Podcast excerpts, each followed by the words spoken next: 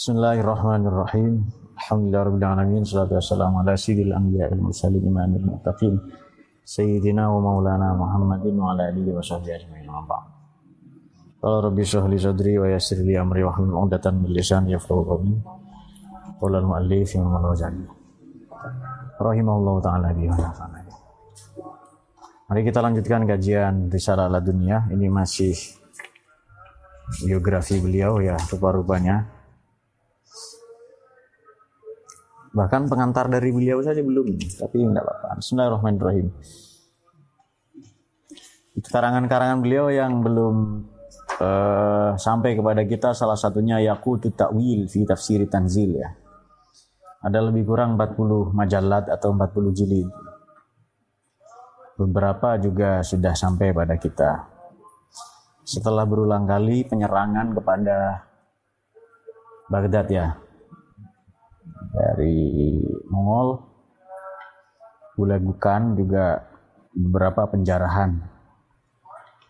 Bismillahirrahmanirrahim oleh bangsa Romawi. Nubzatun fi amin hikamihi wa aqwalihi. Uh, nubzah ini setitik, setetes atau sekelumit. Ya nukilan-nukilan, sekelumit, cuplikan-cuplikan atau kuot-kuot ya dari hikmah beliau dan perkataan-perkataannya.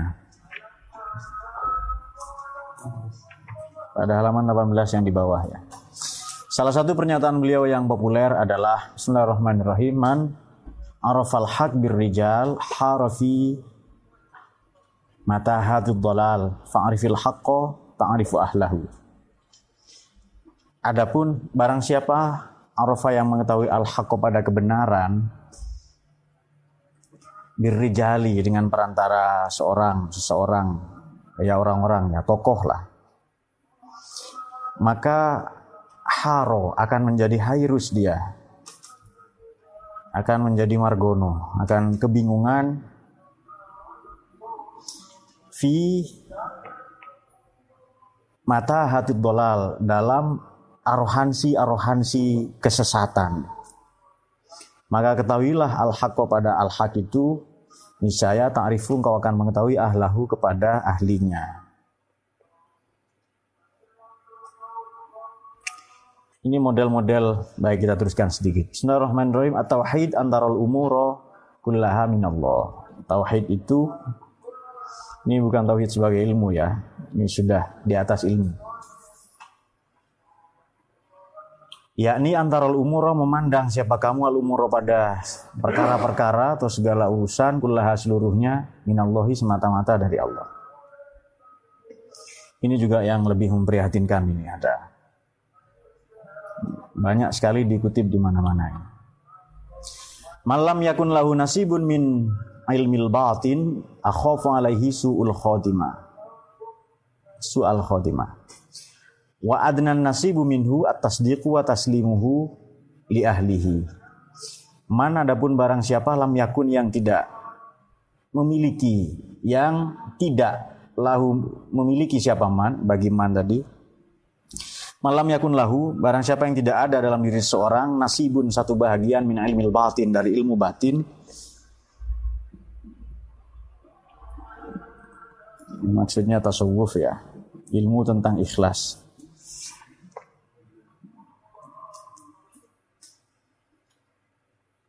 Saya khawatir akhofu alaihi padanya, pada malam yakun lahu nasib tadi, akan mengalami soal khotimah. Akan ditimpa suul khotimah. Sementara wadnan nasib derajat atau bagian yang lebih rendah lagi minhu dari ilmu batin itu adalah atas di membenarkan wataslim dan berdamai li alihi kepadanya Waman adapun barang siapa karena yang ada? Fi dalam man tadi khoslatan dua perkara atau dua perilaku maaf dua perilaku saja dua pekerti maka lam yuftah tidak akan pernah dibuka lahu bagi man tadi minal ilmi minal ilmi dari ilmu bisain dengan sesuatu.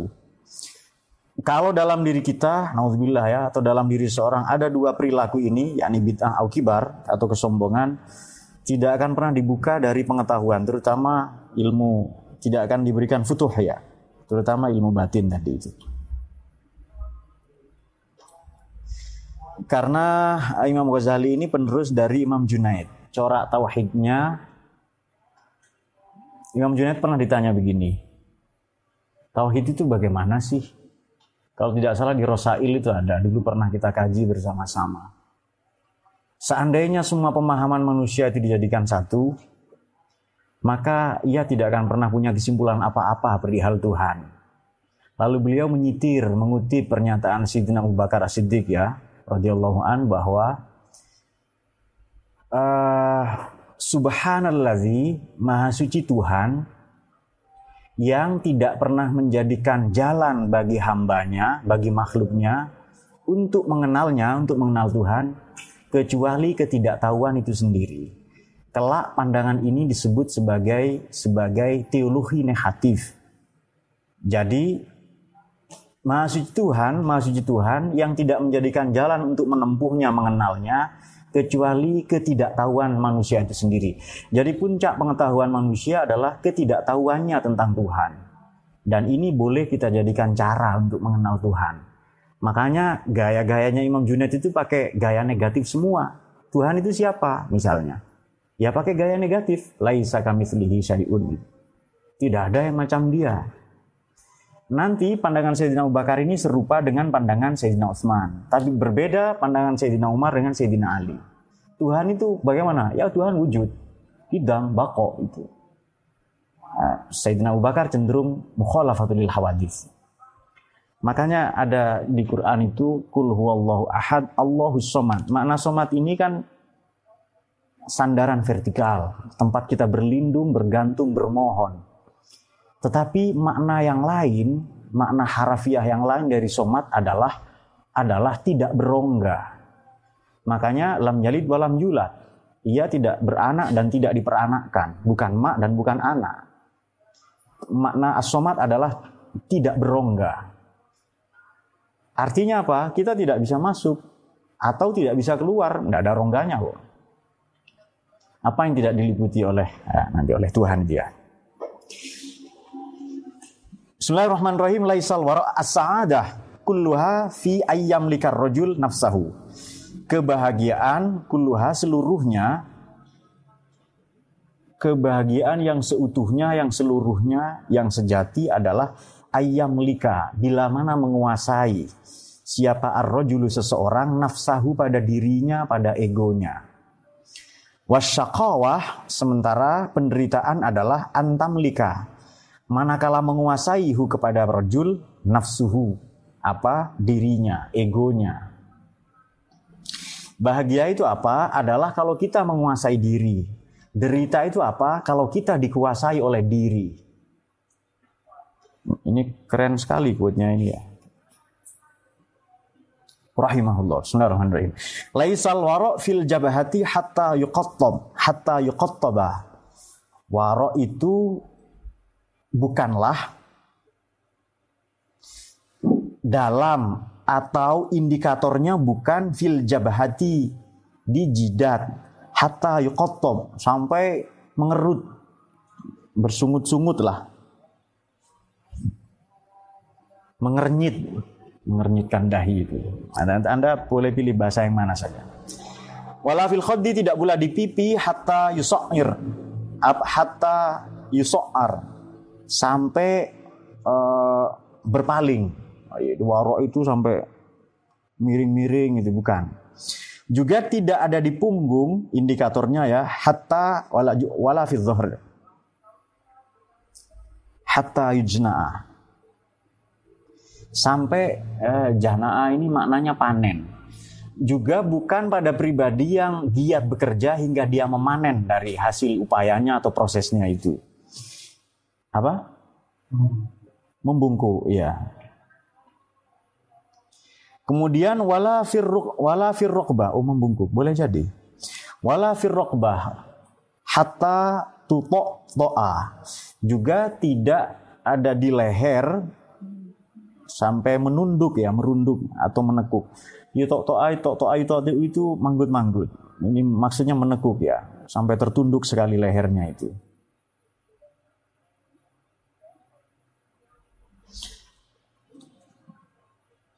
walafiz zahil juga tidak di ekor, dibuntut. Ini maknanya ya tulang-tulang besar kita ini. Hatta yudom, sampai menyatu. Maksudnya apa? Tulang-tulang menyatu itu apa sih? Ya duduk bersila, kemudian eh, apa? betis dengan paha ketemu itu ya. Eh, jangan salah paham ya, pokoknya tulang-tulang itu menyatu, menekuk gitu ya. Innamal warok fil qulub. Warok itu ada di dalam hati kita.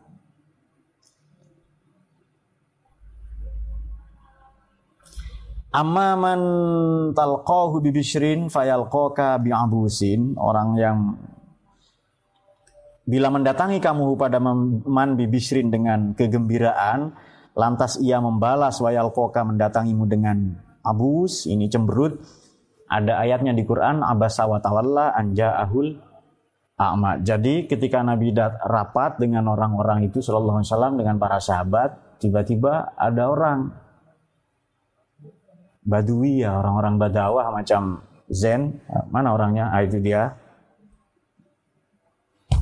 lalu Nabi bermuka masam cemberut lah ya bermuka masam itu disalahkan oleh Allah itu mengapa kamu bermuka masam karena beliau itu teladan ya jangan sampai bermuka masam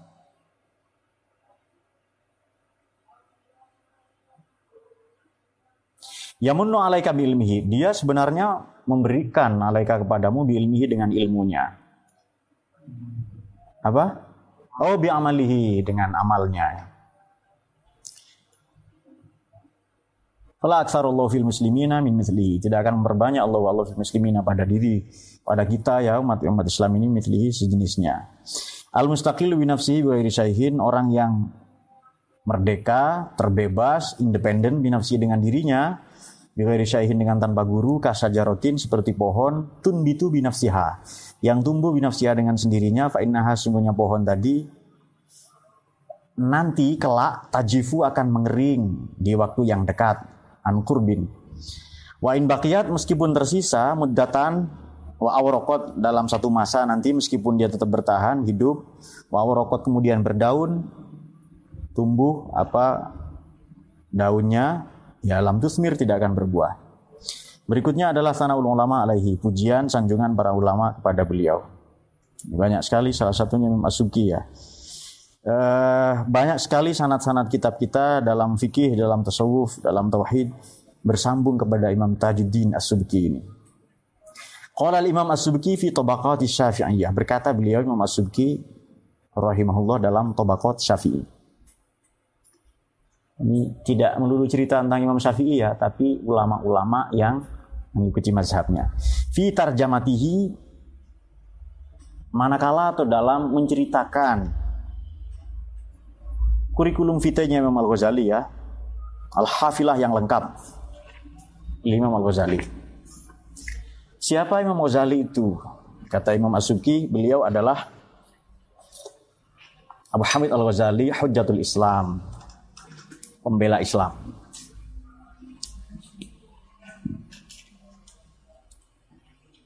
Wa mahajjatud din. Ia adalah epicentrum, pusatnya agama.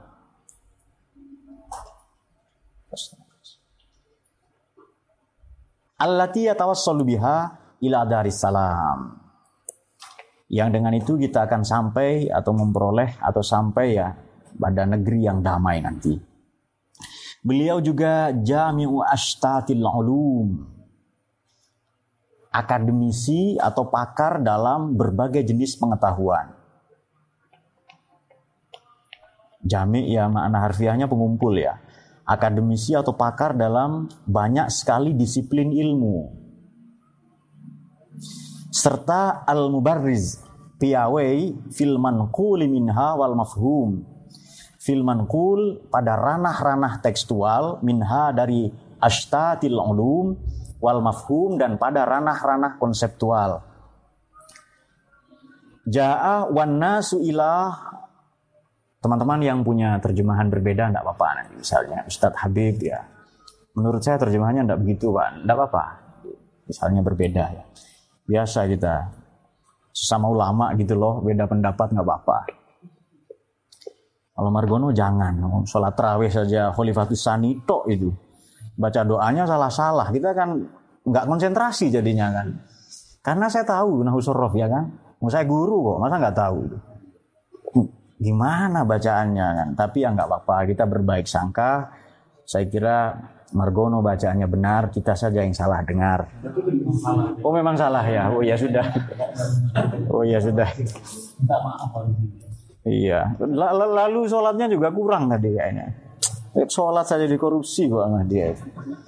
Insya Allah. Ya tapi tidak apa-apa lah. Itu apa pernak pernik Ramadan lah ya. Ada saja hal-hal seperti itu. Ibala, iya. Ya. Mungkin berikutnya anak yang baca doa yang ya Ustadz Yani lah ya minimal itu atau Habib yang yang amin kita itu mantep gitu loh. Karena saya tak saya hafal ya doa itu sudah lama ya doa doa begitu. Masa kiai nggak hafal ya kan? sudahlah hafal, saya tahu pula maknanya. Jadi, aduh, kok begini ya? Ya, biar sudahlah. Nggak, itu PD seperti itu saya kira memalukan PD-PD gitu kan. Alangkah baiknya tahu diri. Tapi nggak apa-apa, kita hargai jihad itu. Nah, memang gaya-gaya badui itu masih ada. Oh enggak ya. Ada yang tidak menghargai ya tidak apa-apa. Nah, mungkin cara menghargainya berbeda. Berbeda. Ja'a datang beliau itu wanasi sementara halaya orang-orang banyak itu ila raddi firyatil falasifah berada dalam hiruk pikuk. Apa menolak? Firyah ini maknanya juga hiruk pikuk atau hipokrit penyelewengan. Menolak rame-rame ya. Beliau datang sementara orang itu orang-orang di tengah orang-orang banyak itu beliau mengcounter menolak hipokrit, hipokrisi, penyelewengan, kebo, apa kebohongan, hiruk pikuk ya seputar filsafat itu. Seolah-olah kehadiran beliau bagi Anas itu adalah ahwaj, lebih lebih dibutuhkan minaz zulama lima sama lebih jadi kalau pekatnya malam, gelapnya situasi keadaan membutuhkan kepada cerlang atau cahaya, pijar atau apa bahasa suci dalam debu itu apa namanya? Apa? Lentera ya.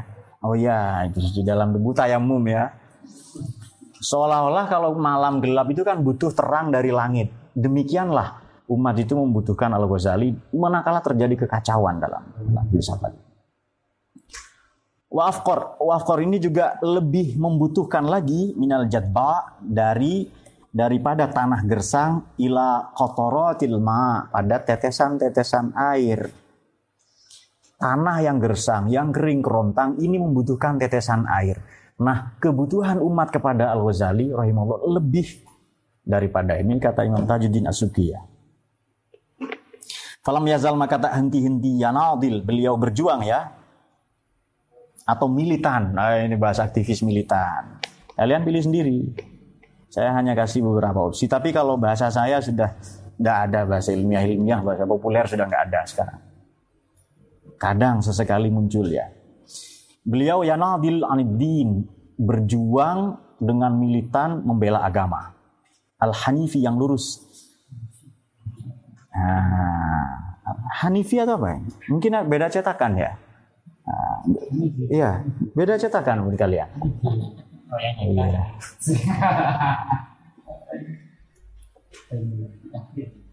Kalau anfun kan hidung, dia hanya mengendus satu aroma, aromanya yani saja itu. Dan itu di bawah mati.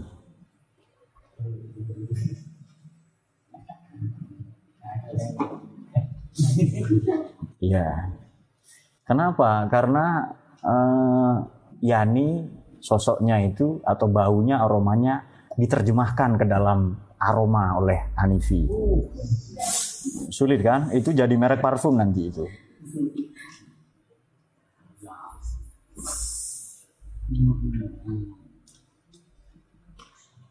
Ah, Bijalla di makolihi dengan pandangan-pandangan beliau yang baal gojo.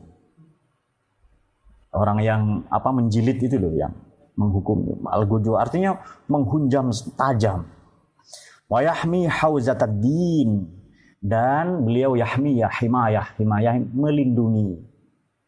Atau uh, uh, uh, apa ya ya mengayomi.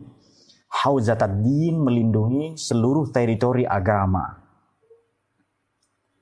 Kemudian walayul toh dan tidak mencoreng-moreng beliau bidamil tajin.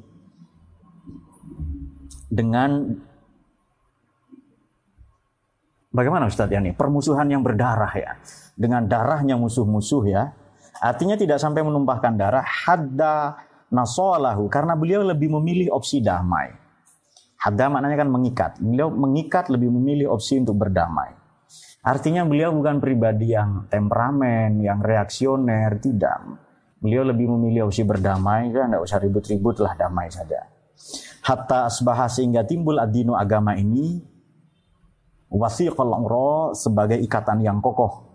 Wan kasyafat dan tersingkaplah waya hibus syubhat gelapnya segala ambiguitas, segala yang syubhat itu.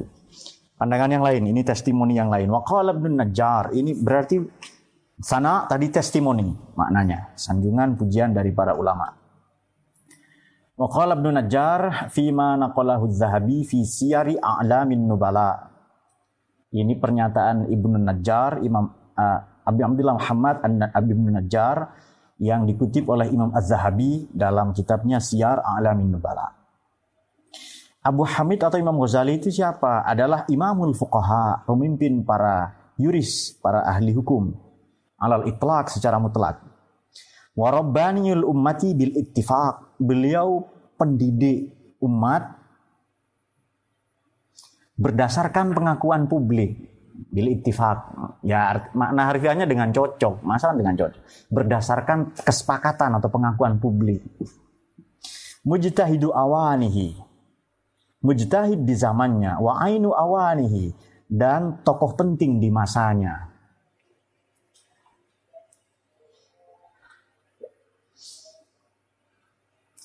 Nanti uh, terjemahan ini bisa Anda transkrip, kemudian ada beberapa kata mungkin perlu diperbaiki, nanti kita edit bersama-sama, ini bisa jadi karya terjemahan. Insya Allah lebih baik dari yang beredar di toko-toko. Nggak apa-apa, klaim dulu, nah, berbaik sangka kita, ke diri sendiri ya. Kemudian wasofahu syaihu imamul haramain dan menyifati hu kepada beliau al-Ghazali siapa itu syaihuhu gurunya yakni Imamul Haramain. Abdul Malik Al-Juwaini ya. Ahmad bin Abdul Malik Al-Juwaini atau Imamul Haramain. Julukan beliau itu apa? Al-Bahrul Muqaddaq, dijuluki dengan Bil Bahril Muqaddaq. Ya, samudera yang pasang. Laut kalau pasang itu apa? Ia bukan hanya membawa ombak, gelombang, tapi menghantam batu karang itu dengan prahara. Prahara tahu ya, lebih besar dari ombak yang bergulung-gulung itu. Uh, uniknya bahasa Arab demikian. Jadi menyebut menyebut menyebut matahari dan rembulan komaroin, bukan al komar wasyams tidak.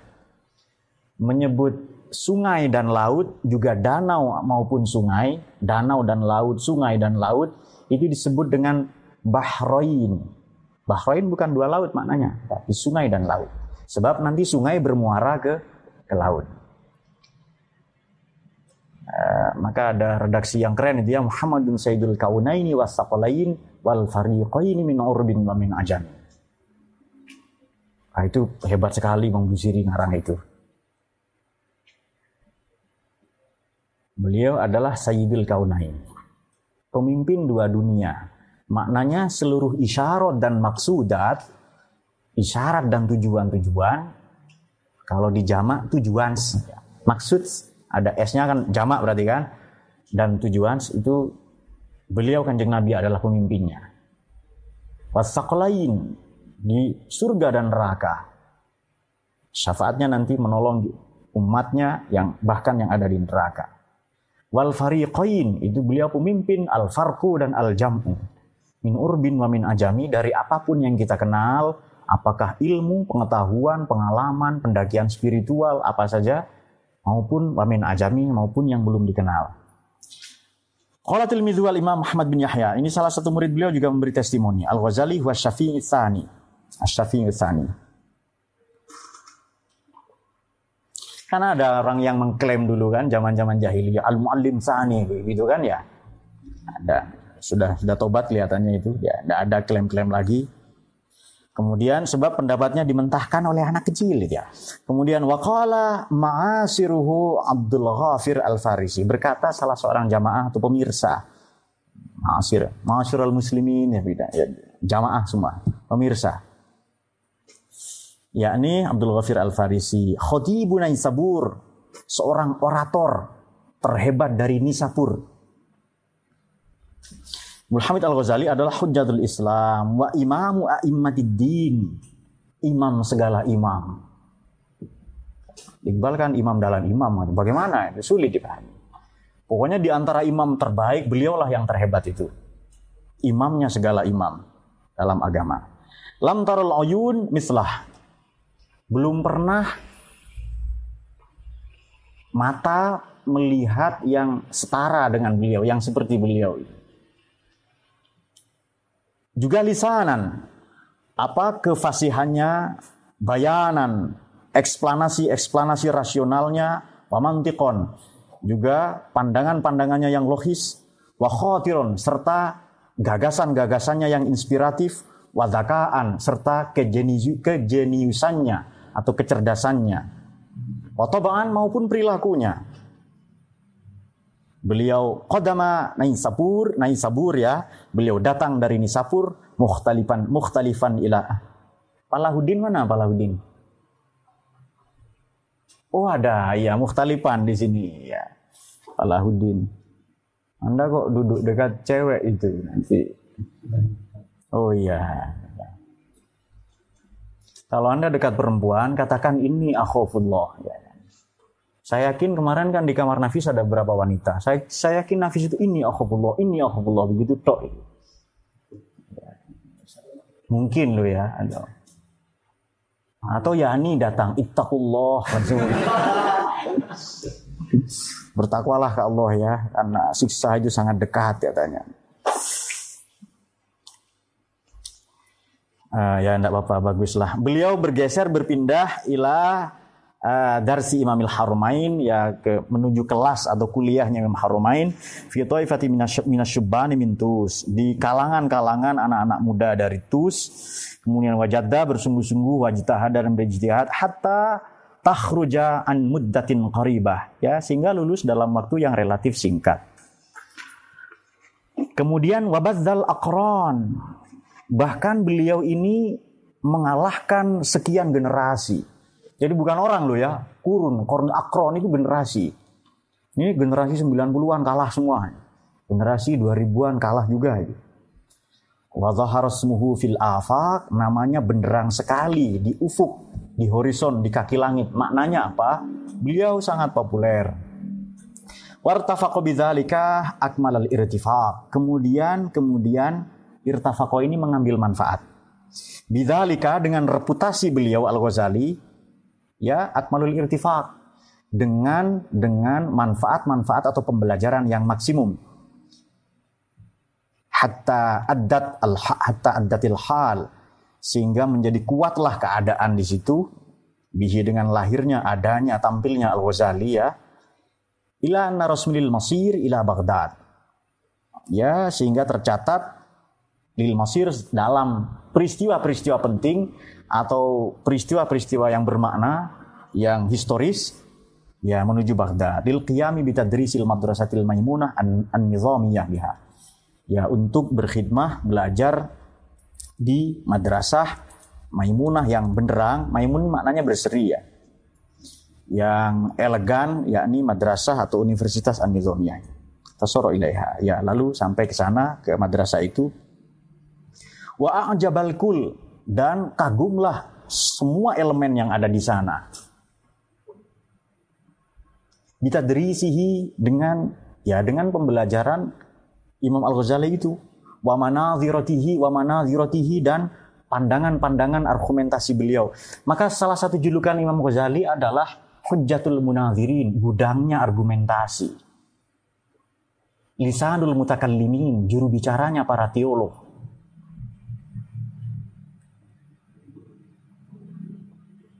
Banyak saya menghafal gelar-gelar seperti itu ya.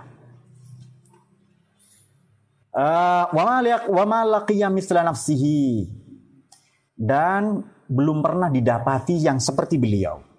Wasoro ba'da imamati Khurasani imamil Iraq. Beliau menjadi lantas menjadi ya setelah menjadi imam di Khurasan, ya imam dalam ilmu tentu saja, beliau menjadi imam di Irak. Khurasan ini mana? I Iran. Irak ya Irak.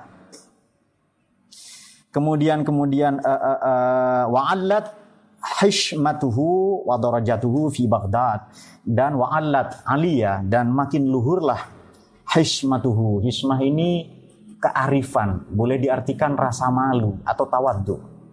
Makin luhurlah kian luhurlah ketawaduan beliau, low profile, rasa malu beliau serta derajat beliau eh, dalam intelektual dan spiritual di Baghdad di Baghdad. Baghdad ini kita tahu ibu kotanya ibu kotanya Irak.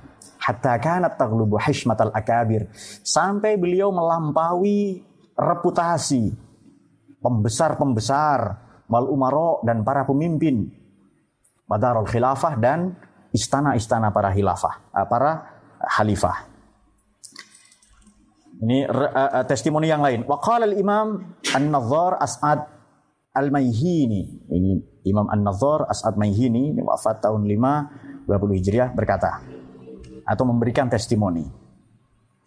La yasilu tidak akan pernah sampai ila ma'rifat ilmi Ghazali kepada ma'rifat atau pengetahuan atau ilmu yang dimiliki oleh Imam Ghazali serta wafatlihi dan keutamaannya illa kecuali man balago, kecuali orang-orang yang balago yang telah sampai aukada yablugh atau nyaris sampai al kamal fi aklihi. Kecuali orang yang sudah sempurna akalnya atau nyaris sempurna, baru dia akan memahami pandangan-pandangan atau makrifatnya beliau. Qala al-Hafidh Ibnu Katsir rahimahullah fil bidayah wan nihayah. Ini pandangan Ibnu Katsir. Beliau Imam Al-Ghazali adalah kalau mau diartikan versi mu'id kana ada gitu ya. Saya sudah tidak pakai itu, itu udah kuno itu. Itu ngaji versi mu'id tidak apa-apa. Ini ngajinya para filosof masih dipakai begitu kan. Min azkiya beliau termasuk min azkiya il alim, orang alim yang paling cerdas. Fi kulli ma yatakallamu fihi, dalam apa pun yang beliau melakukan diskursus-diskursus Kemudian wasada fi syabibatihi. Beliau ini sada, sayyid itu loh, menguasai, memimpin. Fi syabibatihi, beliau sangat menguasai, memimpin dalam syabibah, dalam masa mudanya. Nih, kalau Ustaz Yani memaknai beliau menguasai fi syabibatihi pada pemudi-pemudi. Seolah-olah Imam Ghazali bagi Yani adalah pemuda harapan pemudi. Lalu tangan jadi tas ya kan, jadi ransel itu kan macam Fauzi itu. Bukan, bukan begitu Imam Ghazali itu. Nah, itu versi Fauzi itu ya. Kemudian beliau uh, uh, uh, darosa belajar semuanya Bibin Nizamiyah di universitas itu An-Nizamiyah di Baghdad. Wasinuhu arbaun wasalasuna sanah. Umurnya lebih kurang 3 tahun, uh, 34 tahun. 30 dan 4 tahun. Di usia itu lebih kurang macam usia kita lah sekarang. Fahadara indahu ru'usul ulama. Datanglah kepada beliau hadara ini tahu ya? Uh, hadir tahu maknanya ya? Uh, beda dengan datang saja. Jadi hadir ini maknanya jasmani dan rohani. Jadi kita misalnya datang ke majelis ilmu, kita hadir. Boleh jadi rohaninya saja datang itu sudah hadir, disebut hadir. Tapi yang dimaksud adalah hadir jasmani, rohani, akalnya hadir semua datang belajar kepada beliau ini. Wa kana mimman hadara indahu dan sebahagian dari orang-orang yang hadir itu adalah di sisi beliau indahu di sisi Al-Ghazali di sekeliling. Bermujalasa dengan beliau adalah Abdul Khattab, Ibnu Aqil, wa huma min ru'usil Hanabilah Keduanya adalah membesar atau imam-imam mazhab Hambali. Fata'ajabu min fasohatihi wa itla'ihi.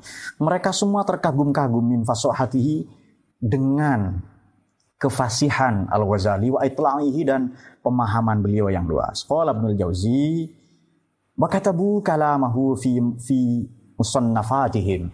Mereka yang hadir itu mengutip atau mencatat pendapat-pendapat Imam Ghazali di kitab-kitab mereka. Kita tahu siapa misalnya yang sering kita fatahi Imam Syekh Abdul Qadir Al-Jilani. 502 kali, artinya 500 kali lebih mengutip pendapat Al-Ghazali. Siapa yang meragukan reputasi Syekh Abdul Qadir Al-Jilani? Beliau mengutip pendapat Al-Ghazali 502 kali. Artinya 500 kali lebih. Belum ditambah kodir-kodir Indonesia kan yang ribuan jumlahnya. Berapa kodir itu kan? Nah, termasuk kodir yang di sana itu, yang teman kita itu, Pak Kodir itu ya. Kalau teman-teman ingin mengenal beliau, sering saya bercerita tentang seorang faqih, seorang musnid, namanya Abdullah Harzaham. Ini diceritakan dalam At-Ta'riful Ahya bi Fadailil Ihya. Dalam kitab Ta'riful Ahya bi Fadailil Ihya. Karangannya Zainuddin Al-Iraqi. Imam Zainuddin dari Irak. Beliau menyatakan begini. Ada orang-orang yang menolak pendapat Imam Ghazali. Jadi Abdullah eh, bin Harzaham ini ada yang baca Harzahim, terserah baca apa saja karena memang tidak ada harokatnya ya uh, mengumpulkan kasih fatwa kemis ya, ayo malam ini kumpulkan semua kitab-kitabnya Al-Ghazali, terutama kitab Ihya. Besok siang sehabis sholat Jumat kita bakar bersama-sama. Banyak orang awam tidak berani. Ustadz-ustadz tidak berani. Tapi karena yang nyuruh ini seorang warok, seorang faqih, yuris, seorang musnid, ahli hadis, dikumpulkan semua. Jadi sore itu sudah selesai itu, dikumpulkan semua. Karena kelelahan beliau malam tidur itu diceritakan oleh oleh siapa? Syekh Zainuddin uh, Al-Iraqi dalam bukunya Ta'riful Ahya fi min Fadailil Ihya, uh, bi Fadailil Ihya. Malam itu beliau bermimpi didatangi Kanjeng Nabi dengan bersama para sahabat dan Nabi memegang kitab Ihya itu. Di sebelah Nabi itu di Sayyidina Abu Bakar dan lain-lain, ada Imam Ghazali di situ. Terus Imam Ghazali berkata begini, orang ini yang mau membakar buku saya. Kemudian uh, Nabi bertanya kepada Imam Ghazali, apa pendapatmu katanya itu. Kemudian beliau berkata begini, kalau memang yang dituduhkannya itu benar, bahwa hadisnya doif, palsu, macam-macam, saya bertobat, kata Imam Ghazali. Tapi kalau yang dikatakannya, yang dituduhkannya itu salah, maka engkaulah yang maha, eh, maka engkaulah yang berhak mengadili dan menghakimi orang ini katanya. Kemudian Kanjeng Nabi berkata, ini benar, tidak ada yang salah. Hadisnya dari saya semua itu. Maka diperintahkanlah dicopot itu, dicopot bajunya oleh Sayyidina Abu Bakar atau Sayyidina Umar dia. Dicambuk itu orang itu. Begitu dicambuk yang kelima kalinya, seharusnya 40. Maka Sayyidina Abu Bakar mengatakan begini. E, kasihanilah orang ini Kemudian Imam Ghazali juga menyatakan demikian. Tolong Anda kasihani orang. Saya kok nggak tega ya ini dipecutin kayak katanya. Ini sebenarnya ingin menjaga hadis Anda. Hanya saja dia salah salah paham saja lah itu. Nah, tolong dikasihani. Lalu berhenti. Itu besoknya langsung bertobat. Dan beliau menyalin, menyalin lebih dari 500. Beliau nulis dengan tangannya sendiri, iya itu. 500 kali. 500 kitab itu. Jadi kalau 4 jilid, 4 kali 500. 2000 jilid itu beliau menulis Ihya itu sebagai bentuk pertobatannya. Dan banyak lagi ya kisah yang itu ada dikutip di ensiklopedia Islam, Ikhtiar Baru Van Hoof ya. Di mana itu? Meskipun di situ tidak ada cerita Wali Songo ya. Tapi di di uh, Syekh Zainuddin Al-Iraqi disebutkan banyak lagi ulama-ulama kumpul misalnya sebagdad menyidang disidang.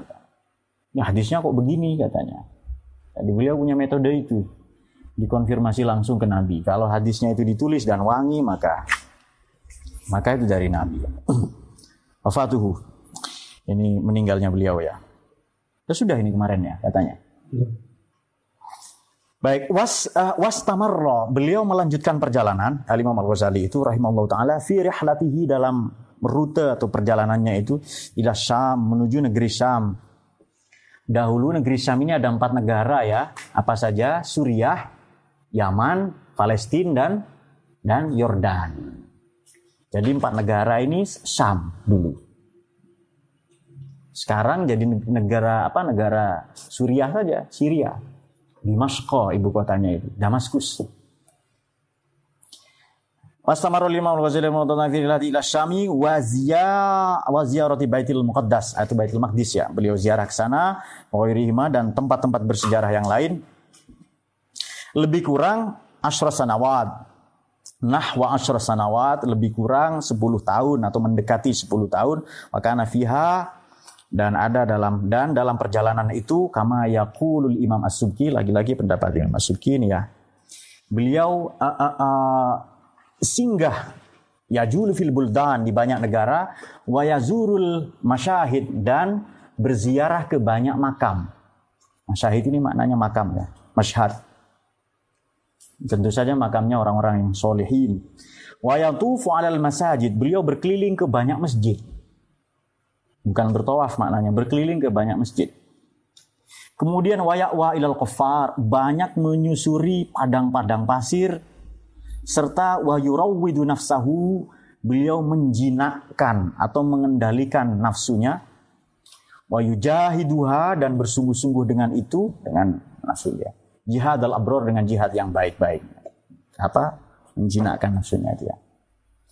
Ayu kalifu dan membebani kepada nafsu itu masyakol ibadat pada beban-beban ibadah yang berat bi anwa'il qurab dengan berbagai jenis kedekatan wa ta'at dan ketaatan ila ansoro qutbul wujud ah ila ansoro qutbal wujud iya betul sampai beliau ini menjadi wali agung sampai beliau ini menjadi uh, ya wali yang utama lah khawas. Wali-wali pilihan. Wal barakatul amah li kulli maujud dan menjadi barokah yang umum bagi semua yang beliau temui itu ya. wal musilah dan menjadi jalan yang menghantarkan ila ridho rahman menuju ridhonya Allah yang maha rahman. Pelimpah kasih. Wasabilul mansub dan menjadi jalan yang tegak ila markazil iman menuju markasnya iman atau pusatnya iman Raja ila Baghdad, beliau kembali ke Baghdad, wa aqada biha, wa aqada dan menyelenggarakan beliau biha di Baghdad itu majlis al-wa'az, ya, majlis pembelajaran, nasihat-nasihat, mau'izoh. Wa takallama ala lisani ahli haqiqah dan beliau uh, mendidik, mengajar, bercakap sesuai dengan standar ahli hakikat. Wa haddatsa bi kitabihi, wa bi kitabi. Maksudnya kitab ihya dan beliau mengajarkan karena ada biya, kalau haddasa kitab al-ihya, berarti haddasa maknanya merevisi atau memperbaharui. Tapi kalau bi ini berarti beliau mengajarkan. Summa ada ila khurasan, kemudian beliau kembali ke khurasan, khurasan ya, wadar rosa dan ngajar bil madrasatin nizamiyah di Naisabur, ngajar di Universitas Nizamiyah di Nisabur itu muddatan yasirotan, ya dalam waktu yang sangat singkat. Tidak lama. Kemudian kemudian uh, uh, uh, uh, uh, seluruh hatinya bergantung mu'allakun bima fataha alaihi minat bergantung dengan dengan apa yang telah dengan jalan tasawuf yang dibukakan untuknya untuk beliau. Lantas beliau kembali roja ilatus ya tetus ya watakhadha ila bidarihi kemudian membangun di sisi kediaman beliau, di sisi uh, rumah beliau itu madrasatan lil fuqaha. Ya, satu tempatlah majelis madrasah untuk para faqih. Dan beliau wa khanaqahu lisufiyah, senantiasa berpegang teguh kepada mazhab tasawuf atau mazhabnya para sufi. Za'auqatahu dan beliau membagi seluruh waktunya, waktu-waktunya ala wadhaif menjadi beberapa bahagian. Satu bahagian adalah min khutmil Quran. Waktu beliau ini dibagi dalam beberapa fase, beberapa tahap. Di antaranya adalah menghatamkan Quran wa mujalasati arbabil qulub dan bermujalasah ya dengan orang-orang yang hatinya dekat kepada Allah itu wa tadrisi li ilmi dan pembelajaran untuk memperoleh atau menuntut ilmu wa idamati sholati wasyam dan dawam senantiasa sholat dan saum berpuasa wasa ilal ibadah dan seluruh ibadah-ibadah yang lain.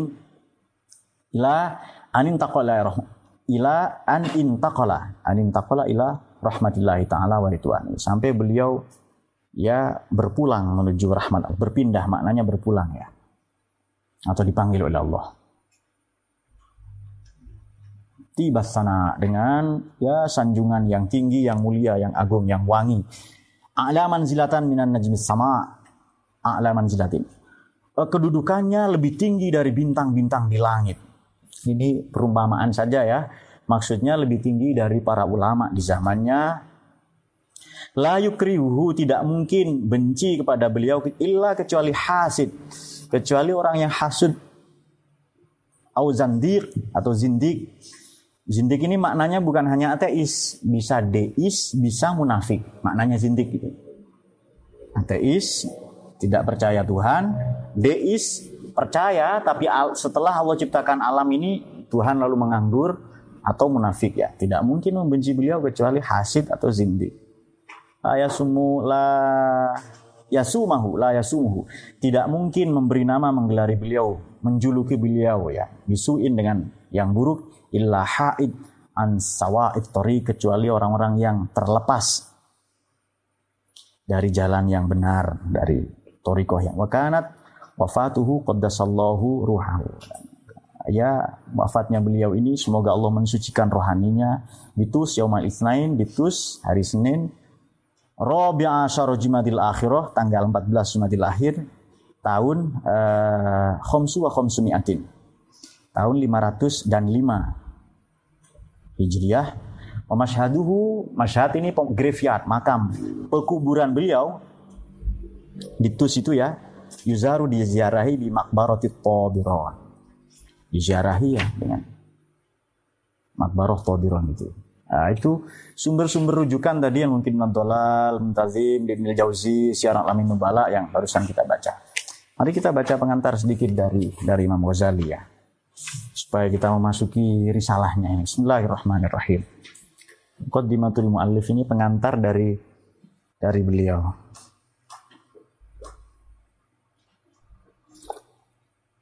Ini Zen seneng ini, ada namanya Zen gitu. Alhamdulillahillazi zayyana quluba khawasi ibadihi binuril walayah. Segala puji bagi Allah semata-mata. Allazi zayyana yang menghiasi quluba khawasi khawasi ibadihi. Yang menghiasi hati. Hati ham, yang menghiasi nurani hamba-hamba pilihannya. Khawasi ini pilihan. Menghiasi nurani hamba-hamba pilihannya. Binuril walayah dengan cahaya sainthood, cahaya kewalian. Warabba arwahahum dan mendidik Allah itu arwahahum pada ruh-ruh mereka, rohani mereka, maksudnya khawas ibadihi tadi bihusnil inayati dengan inayah yang baik. Wafataha dan membukakan Allah babat tauhid pada pintu tauhid alal ulama il arifin. Ada ulama-ulama yang arif. Kenapa sih harus ditambah arif? Kalau alim boleh jadi teori. Kalau arif, ma'rifat, arif billah, orang yang sudah punya irfan ini mengalami. Makanya redaksi di Quran itu wa ilmin alim. Di atas langit masih ada langit. Di atas orang pinter ada lebih pinter lagi. Tapi kalau irfan atau orang yang arif billah, julukan untuk para sufi biasanya, ini mengalami sendiri. Bukan lagi kalau alim boleh jadi ilmu yakin atau ainul yakin, tapi kalau arif itu sudah hakul yakin. Habisnya wafat arifin bimiftah dirayah dengan kunci-kunci kesadaran atau pengalaman.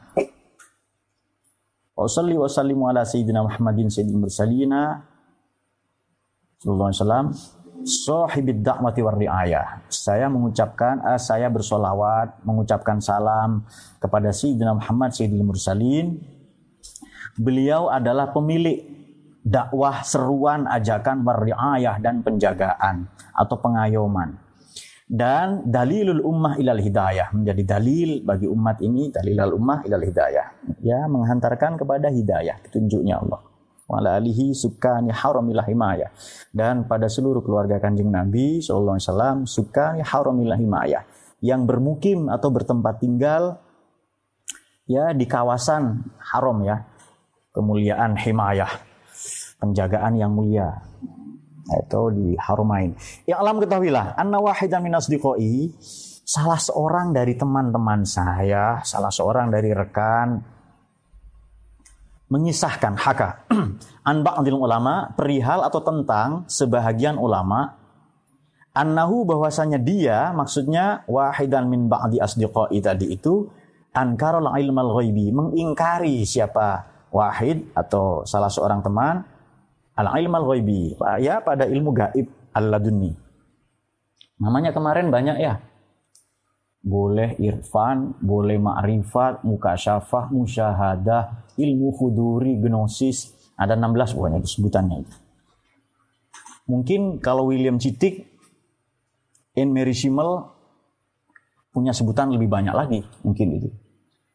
Louis Massignon, tiga orang itu pasti punya sebutan lebih banyak karena memang menghabiskan 20 lebih dari 20 bahkan 25 tahun hidupnya untuk meneliti para sufi misalnya Halaj ya. William Citik Louis Massignon yang Rijal Halaj ya.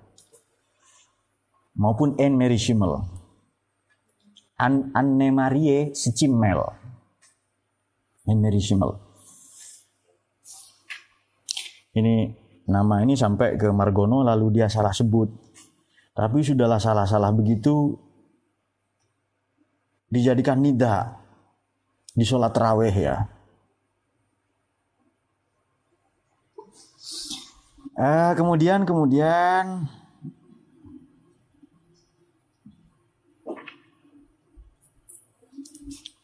uh, alladhi ya'tamidu alaihi khawasul mutasawwifah yang yang menjadi pegangan, yang berpegangan. Maksudnya menjadi pegangan.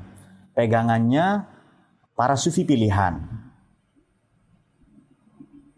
Ada teman mengingkari, bercerita mengingkari ilmu laduni padahal ilmu itu menjadi pegangan. Berpegang teguh ya. Kemudian wayan wayan tami ilaihi ahlut tariqah dan mengacu, kita terjemah bebas saja, menjadi acuan bagi ahli tariqah. Wayakuluna dan berkata mereka innal ilmal laduni aqwa wa ahkam minal ulumil muktasabah al muhassilah bitta'allumi. Bahwasanya ilmu laduni itu ilmu paling kuat, paling kokoh, lebih kuat, lebih kokoh dari ilmu-ilmu al-muktasabah yang dicari secara konvensional serta al-muhassalah atau muhasilah diperoleh bita'allumi dengan cara belajar. Wahaka anna dzalikal mudda'i? Dan dikisahkan juga bahwa orang itu, maksudnya orang yang mengklaim itu berkata, bi annila aqdiru ala taswiri ilmi sufiyah, bahwa saya tidak mampu ala taswiri ilmi sufiyah, menggambarkan ilmunya para sufi. Wala azunnu anna ahadan fil alam dan saya tidak menduga bahwa ada seseorang di alam ini yatakallamu fi ilmil hakiki berbicara ber, apa membangun satu diskursus dalam ilmu hakiki min fikrin wa riwayatin ya dari pemikiran dan riwayat. Tuna ta'allumin wa kasbin. Ya, bukan dengan adanya itu bukan dengan belajar maupun berupaya atau berusaha. Bukan proses tanpa belajar dan proses. Fakultu maka saya merespon kata beliau. Ka'annahu ma atla ma atla ala turqit tahsil seolah-olah dia ma atla ma atla tidak menyadari atau tidak mendapati. Ala turqit tahsil jalan untuk memperolehnya memperoleh ilmu laduni.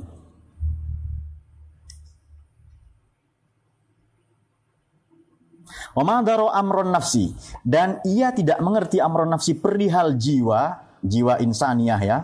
Wasifatiha dan sifat-sifatnya, kaifiyati kubuliha dan tata cara metodologi menerimanya, maksudnya memperolehnya jiwa tadi itu. Di asaril ghaibi pada pengaruh-pengaruh ghaib.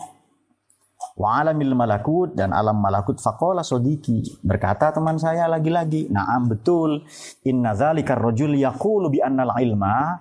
Lelaki itu berkata bahwa sesungguhnya ilmu ilmu itu apa sih kata orang tadi itu loh ilmu itu ya fikih ya tafsir ya Quran tafsirul Quran teologi dan sejenisnya wal kalam hasibah dan sebangsanya sejenisnya Walai sawaro'aha tidak ada ilmu pun waro'aha di balik itu semua. Walai sawaro'aha ilmun. Di balik itu di luar itu ah, di, bukan di balik kita maknai di luar saja. Di luar itu tidak ada ilmu lagi. Wahadhil ulum la tatahassola ya tatahassolu illa bita'allumi wa tafaqwi. Tidak bisa diperoleh kecuali ta'allum dan tafakuh belajar dan pendalaman. Oke, saya jawab lagi kata Imam Ghazali. Fakultu. Naam, memang demikian. Fakaifa ya'lamu ilmat tafsir? Bagaimana ia mengetahui ilmu tafsir? Padahal ini pertanyaan beliau ya, padahal fa'innal Qur'an, padahal Qur'an itu loh kata Imam Ghazali adalah al-bahrul muhit. Samudra samudra yang meliputi, al-mustamil yang mengandung ala jami'il asya pada segala disiplin ilmu segala jenis ilmu, pemahaman dan lain-lain. Walaisa jami ma'anihi dan tidaklah seluruh makna dari Quran itu wa ikut tafsirihi dan hakikat-hakikat tafsirnya mazkuratun disebutkan fi hadhihi tasonif dalam karya-karya ini al-masyhurah yang populer. Bainal awami di kalangan orang awam. Balakan tetapi at-tafsiru ghairu ma ya'lamu dzalikal mudda'i. Ya tafsir itu ghairu ma ya'lamu dzalikal mudda'i. Bahkan bahkan tafsir ghairu ma ya'lamu dzalikal mudda'i uh, uh, ini hemat Imam Ghazali ya, bahkan orang yang mengklaim tadi, salah seorang teman saya tadi, tidak expert di bidang tafsir. Kalau memang pemahamannya begitu katanya. Aku dzalika rajul. Lagi-lagi orang itu masih berdebat, merespon. La ada yang untuk. La yu'addu tafasir tidak dianggap sebagai tafsir illa tafasiril ma'rufah. Loh, heri ini ya. Karena sipul tidak ada ya tidak dianggap sebagai ilmu tafsir kecuali tafsir-tafsir yang telah diketahui, sudah disebutkan, populer, al-mansubah, serta dinisbatkan kepada Imam Qushairi, Imam Sa'alabi, Imam Mawardi, wa ghairihim. Radiyallahu anhum wa rahimahumullah. Oke, saya jawab lagi kata Imam Ghazali ini. Fakultu. Lakot ba'udaan manhajil haqiqah. Sungguh Anda ini jauh panggang daripada api anda jauh dari hakikat kalau begini. Nah, ini ada imam yang mengumpulkan itu Imam Sulami ya, banyak sekali. Fa'inna Sulami jama'a atau jama'a syai'an fit tafsir min kalimatil muhaqqiqin syibhut tahqiq. Ini ada orang misalnya Imam Sulami mengumpulkan banyak tafsir ya. Banyak hal dalam ilmu tafsir dari berbagai kalimat pandangan-pandangan muhaqqiqin para editor apa? Oh ya, para para ahli para ahli hakikat. Maka yang demikian itu syibhut tahqiq. Ya, demikian itu sama dengan tahqiq, sama dengan beliau ahli hakikat. Semi lah ya. Saya pakai bahasanya Habib saja, semi, semi. Semi tahqiq gitu. Syibhut tahqiq, mirip-mirip tahqiq lah itu mirip-mirip peng, apa pengejawentahan ilmu hakikat. Watil kal kalimat ghairu mazkuratun ghairu mazkuratun fi sa'ir ya kalimat-kalimat itu mungkin karena pandangan para ahli hakikat, para sufi, mungkin belum ada di buku-buku yang sudah dicetak atau diterbitkan. Waktu karena waktu itu belum ada PDF ya. Zalika rajul La ya'udul ilma illal fikih illal fiqh wal kalam. Orang itu tidak menganggap ilmu, orang itu punya pandangan bahwa ilmu tak lain adalah fikih dan tauhid. Pokoknya ilmu itu saja. Selain itu bukan ilmu katanya. Wahadat tafsirul ami, ya pandangan yang lazim ini karena ma'alima aksamal ulum. Seolah-olah dia tidak mengetahui pembahagian atau klasifikasi ilmu-ilmu, watafasiliha dan perincian-perinciannya, derivasi-derivasinya, wa marotibiha dan uh, kedudukan-kedudukannya, fakultas-fakultasnya, wa haqaiqiha dan hakikat-hakikatnya, wa zawahiriha wa bawatiniha, aspek lahiriahnya maupun batiniahnya. Waqad jaratil adah bi annal jahil bisyai yunkiru dzalika syai. Wah ini dia. Tolong dikasih garis bawah ini ya. Dimulai dari dari Ndul ke sana ini semuanya ini. Di sampai ke Margono lah itu. Din, kasih juga Din ini. Waqad jaratil adah. Menurut kebiasaan yang berlaku, bi annal jahil bahwasannya orang yang bodoh, orang yang tidak mengetahui sesuatu pasti ia mengingkari. Pasti ia ingkar akan hal itu. Namanya bodoh pasti mengingkari. Jadi dikatakan bahwa misalnya Ustadz Yani itu lu pemuisi, penyair. Enggak, enggak percaya karena karena memang dia tidak berpengetahuan. Ini wakot jarotil adah. Menurut kebiasaan yang berlaku, bahwasannya orang yang tidak berpengetahuan pasti ia mengingkari sesuatu yang tidak diketahuinya itu. Wazalikal mudda'i, orang itu, orang yang mengklaim itu, mazaqo mazaqo syarabal haqiqah. Belum mencicipi minuman hakikat. Wa ma atla 'alal ilmi ladunni dan tidak mendalami ilmu laduni.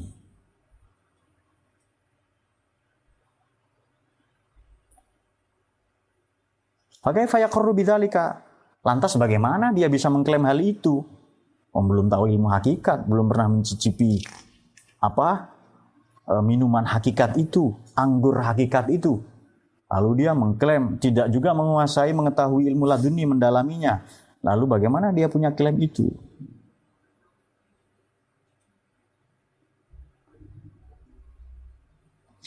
wala ardo biiqrarihi taqlidan atau takhminan malam ya'rif ya tentu saya tidak sependapat tidak sepaham biiqrarihi dengan pernyataannya baik taklid maupun takhmin taklid itu ikut maupun memperkirakan pandangan-pandangannya. Perkiraannya pandangan-pandangannya. Ma terhadap apa lam ya'rif yang dia tidak tahu. Fakola dzalika sedih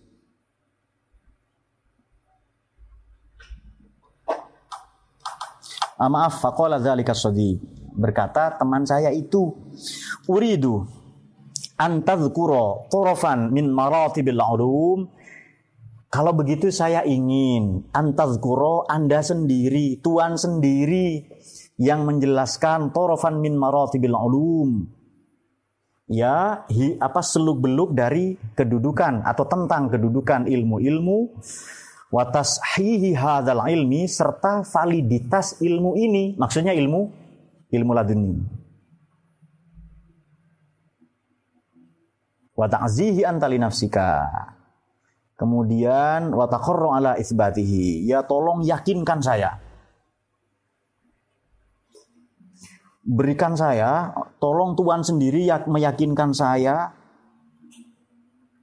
Serta serta apa beri pemahaman saya keyakinan bahwa ilmu laduni itu ala isbatihi bahwa ilmu laduni memang ada. Fakultu baiklah baiklah oke teman. Begini loh bro. Inna hadzal matlub bayanahu asirun jiddan. Ya permintaan ini penjelasan dari permintaan ini tentu sangat dilematis. Asirun jiddan. Lakin akan tetapi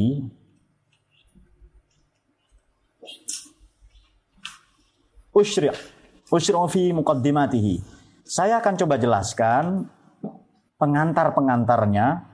Bihasbiq tidai hali ya sesuai dengan kapasitas saya wa muwafaqati waktu maupun kapabilitas saya ya sesuai dengan waktu yang saya punya juga wa ma sanaha bi dan apa-apa segala apa sanaha bi yang terlintas terbersit dalam benak saya Wala uridu takbilal kalam, saya tidak bermaksud berpanjang lebar, bertele-tele. fa inna khairul kalam ma qalla wa. Karena sebaik-baik pembicaraan adalah ma qalla yang mangkus, wadalla dan sangkil. Efektif dan efisien, mangkus dan sangkil. Sallallahu azza wa jalla, saya bermohon kepada Allah azza wa jalla taufiqa wal i'anah. Ya, taufik, bimbingan, i'anah dan pertolongan. Wa zakartu matlubu sadiqi al-fadil fi hadil Saya sebutkan permintaan teman saya itu yang yang fadil ya, teman saya yang sangat utama itu fi hadal mafdul ya dalam uraian berikut ini. Allah a'lam bishawab. Ini mukadimah saja. Besok kita akan baca Sarafun ilmi kemudian uh, mungkin dua bab ya. Baik, kita coba uh, satu ulas satu pandangan bahwa kenapa sih ada orang tidak percaya ilmu laduni? Dahulu uh, ilmu laduni ini adalah kurikulum pembelajaran di sekolah-sekolah di pesantren-pesantren. Ah, ya, semua santri, semua ulama belajarnya dengan metode itu, dengan cara itu. Sebelum ada cara dari barat yang bernama schooling system. Artinya tidak mungkin orang dengan waktu dengan masa hidup yang singkat punya karya yang sangat banyak seperti sudah sudah kita ulas kita singgung pada pertemuan-pertemuan yang lalu. Jadi ini ini risalah surat merespon menjawab. Jadi risalah ya. Ya bisa bermakna surat ya atau makalah lah lebih gampang. Oret-oretan saja dalam menjawab pertanyaan seseorang. Dalam ada Rosail Al Ghazali itu salah satunya tentang ini tentang ilmu laduni ini. Ilmu, makanya nama lain dari ilmu ladini, laduni ya ilmu irfan, kemudian mukasyafah, musyahadah, e, gnosis, ilmu kuduri. Karena setiap nyaris ulama-ulama terdahulu mengalami ini semua dan belajar memperoleh pengetahuan dengan cara ini. Oleh karena itu sekali lagi ilmu laduni ini bukan ilmunya tapi caranya, metodologinya yang swa objek ya. Dan itu uh, uh, la yu'lamu illa min jihatihi ta'ala.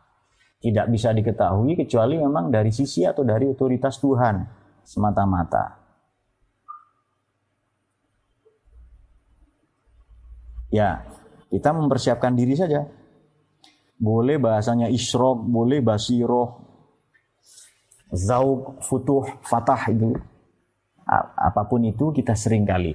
Kita bisa mencontohkannya begini nanti sebelum ke metode metodologi metodologinya ya. Tentang kemuliaan ilmu nanti di bagian akhir kalau tidak salah.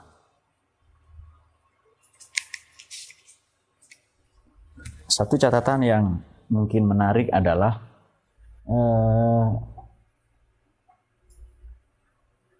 kalau memang semua ilmu ini berasal dari Tuhan tinggal metodenya saja boleh yang lazim kita tahu kan ilmu itu kasbiyah. Biktisab dengan cara iktisab. Belajar secara konvensional. Ada juga yang langsung dikasih limpahan oleh Allah. Saya, saya kasih contoh sangat gampang. Misalnya, Anda bertanya pada saya, e, rumah Anda di mana? Lalu saya jawab, rumah saya tidak saya bawa. Bawa rumahnya ke mana-mana bekicot gitu ya. Ada orang bertanya ke Ustadz Yani, sudah menikah belum? Beliau katakan sudah. Atau ditanya, Ustadz Yani apa kabar gitu ya. Ada orang kelihatannya pakai apa? Pakai cadar lah itu. Apakah langsung ini akhafullah langsung gitu. Ternyata zen gitu ya. Mau ke mana mbak? Ya, ternyata zen gitu. Ada juga kita tidak bertanya, tiba-tiba Ustadz Yani langsung mengatakan itu. Saya sudah nikah loh ya, dan saya punya anak misalnya. Tidak tahu menikahi apa dan siapa, anaknya apa dan siapa, saya nggak tahu. Nah, ada ilmu-ilmu yang kita tahu tanpa kita bertanya, berupaya, iktisab, dengan kasbi tadi, tapi langsung Yani ngasih tahu kita. Nah, Allah begitu. Ya. Allah ngasih hadiah lah ya. Tinggal kita mau atau tidak itu saja. Tinggal kita mau membuka diri, memposisikan diri, berlomba dengan diri kita sendiri supaya dapat hadiah berupa ilmu laduni itu. Ilmunya boleh apa saja karena ilmu laduni yang dimaksud di sini adalah metodenya, caranya. Dulu kita bersama Kang Samsu ya dengan teman saya dengan Profesor Samsudin itu membedah ini. Membicarakan dengan Pak Hilal juga. Beberapa tahun yang lalu mungkin empat atau lima tahunan yang lalu. Uh, catatan yang juga menarik dari ini karena masih mukaddimah ya. Tadi sanjungan-sanjungan Al Ghazali itu banyak sekali. Hal-hal begitu itu sudah lazim kita dengar. Kemudian kemudian tradisi menulis ini karena teman-teman yang tua ini menulis semua. Jadi ada orang bertanya, beliau menuliskannya. Ini contoh yang paling par excellent dari Imam Ghazali ini ya. Contoh yang par excellent. Jadi ulama tapi penulis juga. Menulis. Tulisannya karyanya banyak. Nah, 248 kalau dibagi umurnya 52 tahun, ya setahun 4 sampai 5. Itu kalau dari lahir langsung nulis itu. Dengan usia sependek itu tapi karyanya banyak, tidak mungkin. Itu pasti ada eh, ada ilmu-ilmu yang seperti itu. Dan ini ini karena jasanya editor ini ya. Jasanya editor, para peneliti yang kita lalu mudah. Dahulu enggak begini, enggak Quran ayat berapa, kalau ada hadis riwayat mana di kitab apa dulu enggak begitu. Langsung saja mengutip, baca saja mengutip. Enggak ada daftar pustaka kitab-kitab gitu. Enggak ada. Karena memang uh, ilmunya dari dari Allah langsung itu. Uh, sekarang sekarang kita hidup di zaman yang dimudahkan semuanya oleh Allah itu. Sarana prasarana alat-alat perang kita banyak tapi mengapa karya kita sedikit? Tidak banyak misalnya. Atau malah enggan menulis. Yang profesor-profesor yang guru besar saja di Indonesia itu, profesor yang betulan loh ya, bukan profesor yang abal-abal, banyak profesor yang abal-abal itu banyak. Kenapa karyanya sedikit? Padahal punya segala sumber daya. Karena kita telah mengabaikan satu ilmu, bahkan mengingkari tadi itu ya. Yang telah dirintis yang dengan metode laduni itulah. Dengan metode huduri, irfani, zauki, isroki, apa pun namanya, faid, apalah terserah itu istilahnya itu, dengan metode itu, dengan dibukanya fatah, futuh, katup-katup intelektual dan spiritual itu, ya ilmu itulah yang menghasilkan yang kita bisa membaca karya-karya para, ulama. Nah, kita mencoba berusaha dengan edisi Ramadan kali ini menyingkap, mengkaji, membuka apa yang telah dipelajari oleh para ulama itu, metodenya, caranya. Karena bagaimanapun kita penerusnya. Selama Allahnya itu Allah yang sama dan nabinya nabi yang sama. Saya kira ilmu laduni toh itu-itu juga. Caranya ya begitu-begitu saja. Tinggal kita mau meraihnya, menempuhnya atau tidak. Menjalaninya atau tidak. Nah, itu dia. Oleh karena itu, mau tidak mau memang kita harus harus menulis ya. Saya merasa waktu saya ini kurang. Nah, menulis itu. Nah, tentu kita membayangkan bagaimana ya. Menulis sebanyak itu. Imam At-Tabari misalnya. Mau menulis tafsir 3000 jilid itu kelihatannya tidak masuk akal. Tapi ya memang demikianlah memang ada ilmu-ilmu yang nalar tidak bisa menjangkaunya. Karena hadiah itu ya hadiah saya kira itu ini baru pengantar baru mukaddimah. Kemarin mukaddimah editor, sekarang mukaddimah dari ini ya. Patut teman-teman renungi juga ya, apa namanya, uh, uh, uh, dari Imam Ghazali itu. Kenapa sih orang yang tidak tahu, tidak punya bahagia tentang ilmu batin itu dikhawatirkan su'ul khotimah? Kenapa? Itu patut kita renungi, patut kita refleksikan itu. Allah alam bisawab. Wa ila